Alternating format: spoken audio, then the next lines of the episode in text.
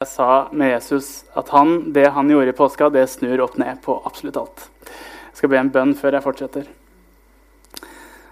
Kjære Jesus, takk for det vi har samla om i dag. Takk for at du er seierherren. Eh, takk for at vi kan få gi livet våre til deg, at du har omsorg for oss. Og så legger jeg nå den stunda her i dine hender og ber om at du hjelper meg. Eh, jeg ber om at de orda som jeg sier, de skal du gi eh, liv og kraft, sånn at det kan få bety noe for oss. Amen. Ok. Selve denne påskehistorien da, eh, om at Jesus henger på korset osv., det ser jo lenge ut som en tragedie. Det ser ut lenge som en forferdelig trist historie. Og jeg tenker antageligvis i hvert fall for de som var der, som ikke hadde hørt slutten ennå. Eh, Jesus, som de hadde fulgt dag ut og dag inn i flere år. Han som de virkelig trodde skulle forandre Israel. Han eh, var blitt arrestert, og han var blitt dømt til døden. Og så tror jeg ingen av dem husker at han har faktisk fortalt dem om at det her kommer til å skje.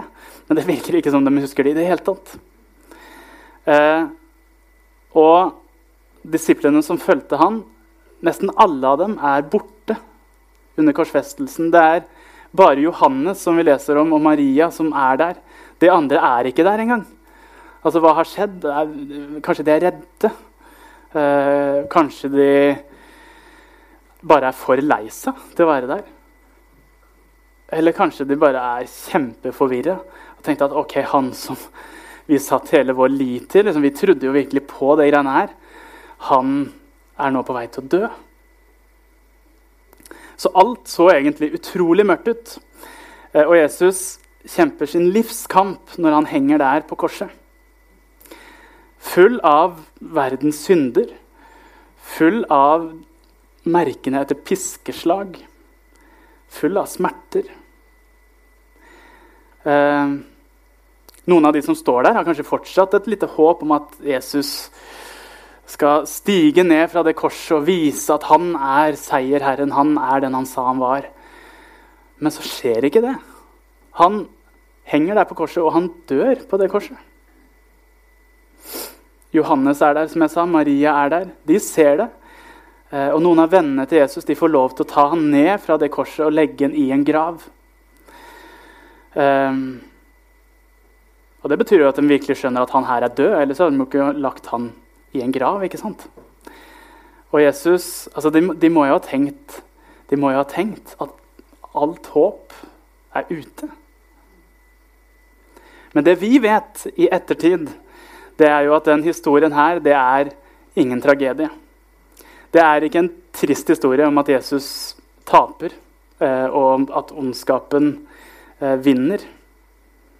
Det er ikke en historie om nederlag. Påskehistorien det er en historie om seier.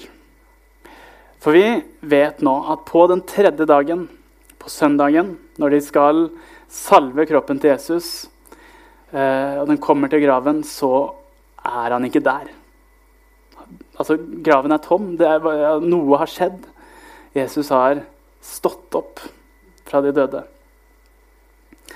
Så når alle antageligvis tenkte det når de så Jesus hang der på korset, at nå er alt håp ute, nå er, går det feil vei, så var det realiteten helt det motsatte som skjedde. Fordi når Jesus hang der, så var han på vei til å vinne. Og jeg har sett en del fotballkamper for eksempel, opp igjennom, hvor det ser ut som at det laget som jeg heier på, taper. Veldig ofte så gjør de jo det, derfor jeg heier på Fredrikstad fotballklubb. Og der uh, går det mange ganger ganske dårlig. Men, men, det er mange ganger at det ser ut som de taper, og så skjer det et eller annet. Så snur det liksom de siste minuttene, og så vinner de isteden. Og da er det jo da er det fryd og gammen i, i huset vårt. og Uh, hvis jeg er på stadion, så kan det hende vi synger 'Seieren er vår'. ikke sant? Og Hvis ikke, så sier jeg 'Vi vant'. Fordi jeg føler jo at jeg er en del av det. Selv om jeg skjønner, altså jeg, jeg skjønner jo det at jeg har ikke vært med å løpe ut på den banen der. Det hadde jo ikke vært bra i det hele tatt hvis jeg hadde gjort det heller. Eh, men jeg kjenner likevel at jeg er liksom en del av det, da. Selv om det ikke er helt sant. Eh, men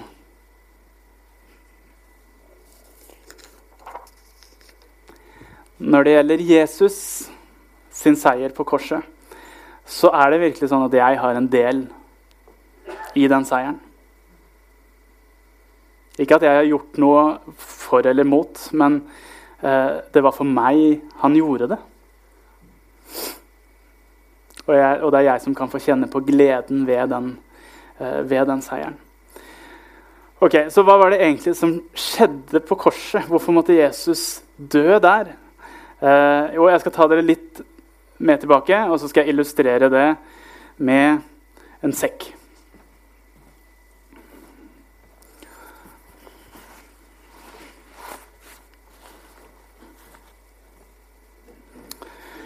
Uh, ok, Når Gud skaper menneskene, så går det veldig kort stund før de finner ut at nei, vi vil egentlig gå vår egen vei. Vi vil egentlig være våre egne sjefer. Og jeg tror vi by the way, også kan kjenne oss litt igjen i det. Det kan i hvert fall jeg. Så de valgte Gud bort uh, fordi de ville gå sin egen vei. Og da kom synden inn i verden. Synd er et litt sånn gammelt ord, men det, det, er det vi mennesker gjør som ikke er godt, rett og slett. Altså, øh, om det skal være Det kan være løgn, det kan være vold, det kan være baksnakking. Så kan det rett og slett bare være en tanke som jeg tenker om noen andre som kanskje ikke er så fint å tenke. Eh, og i bunn og grunn så handler synd om det handler om den egoismen som jeg kjenner at jeg har lyst til at skal styre alt. Jeg har lyst til at jeg skal være sjefen, og jeg vil at det, sånn jeg vil ha det, sånn skal det være hele tiden. Eh, og i bildet vårt her da, så er det sånn at hver gang vi gjør en synd, så legger vi på en måte noe oppi den sekken vår. Jeg legger litt og litt tyngde oppi her for hver gang jeg gjør noe som ikke er bra. Problemet er at for å være sammen med Gud, for å kunne komme til himmelen, så trenger jeg å ha en tom sekk. Eh, men sekken min den blir jo bare fullere og fullere, og den blir jo bare tyngre og tyngre å bære på. Og det er grunnen til at Jesus døde på korset. Han valgte å ta på seg alle våre ryggsekker. Alle de tinga som vi har gjort, eller som vi kommer til å gjøre galt. De tok han i ryggsekken sin når han døde på korset. Verdens største ryggsekk. Og når han står opp igjen fra de døde, så har han kasta den ryggsekken langt vekk.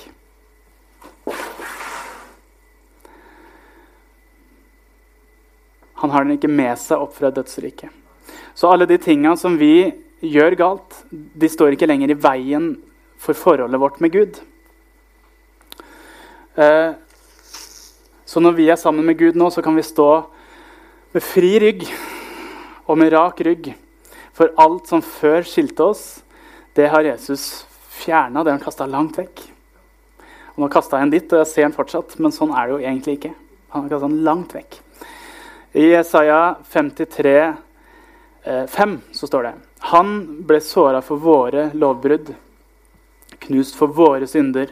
Straffen lå på han vi fikk fred. Og ved hans sår så ble vi helbreda. Og så gjelder det bare for oss å huske på det eh, og være takknemlig for det. Fordi noen ganger eh, så kan det nok kjennes som om vi fortsatt har den ryggsekken der. Vi kan liksom kjenne tyngden av den, eh, selv om Jesus egentlig har tatt den bort. Og så kan vi finne på å leve litt som om den ryggsekken fortsatt er der. Vi kan gå kanskje litt bøyd, vi kan føle oss kanskje litt skyldige, vi kan kjenne på skam osv. Eh, og så kan vi da få komme til Jesus og si det og be han om å hjelpe oss og se at den er borte for alltid, den ryggsekken. Eh, og han betalte dyrt for å kaste den bort da. Eh, og så betyr det jo selvfølgelig ikke at vi nå ikke gjør noe gærent lenger. Eller at vi skal fortsette å gjøre gærne ting fordi at det ikke har så mye å si likevel. ikke sant? Nei, jeg er overbevist om at det beste for oss det er å gjøre de tinga som Jesus sier. Det som står i Bibelen. Eh, det er det beste for oss og for andre rundt oss. Eh, men når vi feiler, for det gjør vi jo alle sammen, så er det sånn at de tinga de skiller oss ikke lenger fra Gud. For de tinga som vi gjør, de legger seg kanskje fortsatt oppi den ryggsekken, men den ryggsekken er jo langt unna.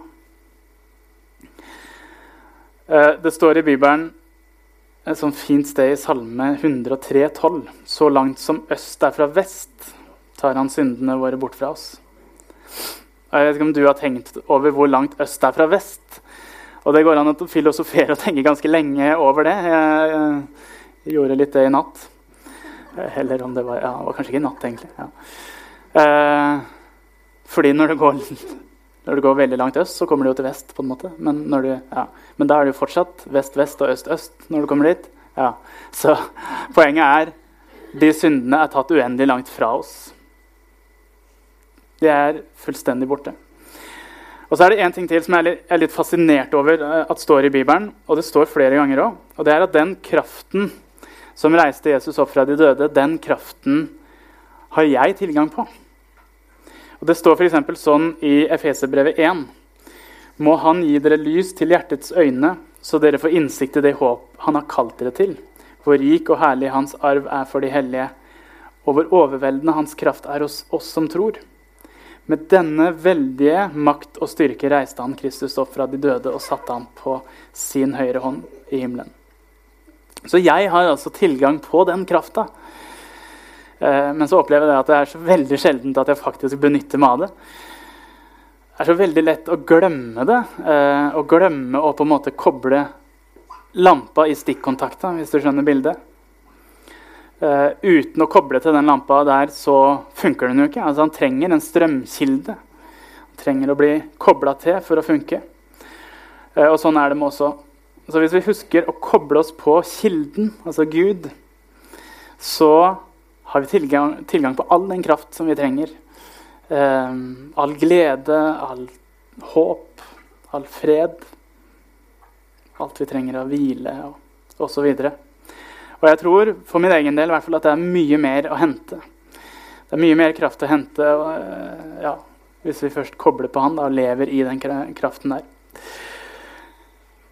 Ok, jeg skal etter hvert nå synge en sang for dere eh, som handler om en litt ukjent historie fra Det gamle testamentet. Og jeg syns den også er fin å synge sånn i sammenheng med at vi skal over i nattverd etter hvert. Eh, og en slags påskevandring. Og den Historien den handler om kong David.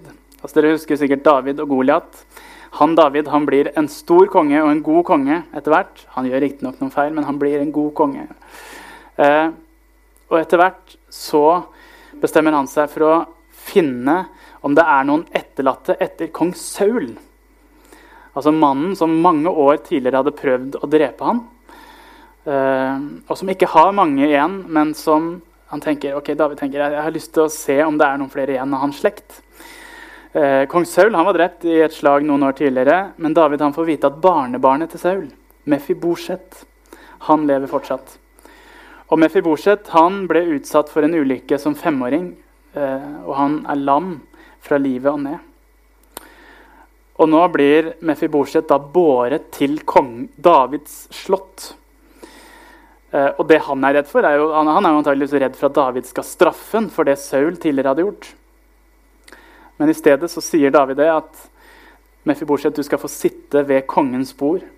Du skal få sitte her og spise sammen med oss, meg og mine sønner, så lenge du lever. Og Det var et bord som ikke Mefibosjet hadde gjort seg fortjent å sitte ved.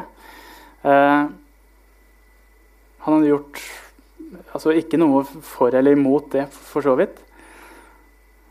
Men på samme måte så er det også med Gud. Han viser oss ufortjent nåde pga. det som skjer i påska, pga. det Jesus gjorde. Og sånn med Fiborset, så blir vi på en måte løfta fram til det her bordet. Løfta fram til fellesskapet med Gud. eh, og til nattverdens måltid. Men først så skal Ingrid få si noen ting.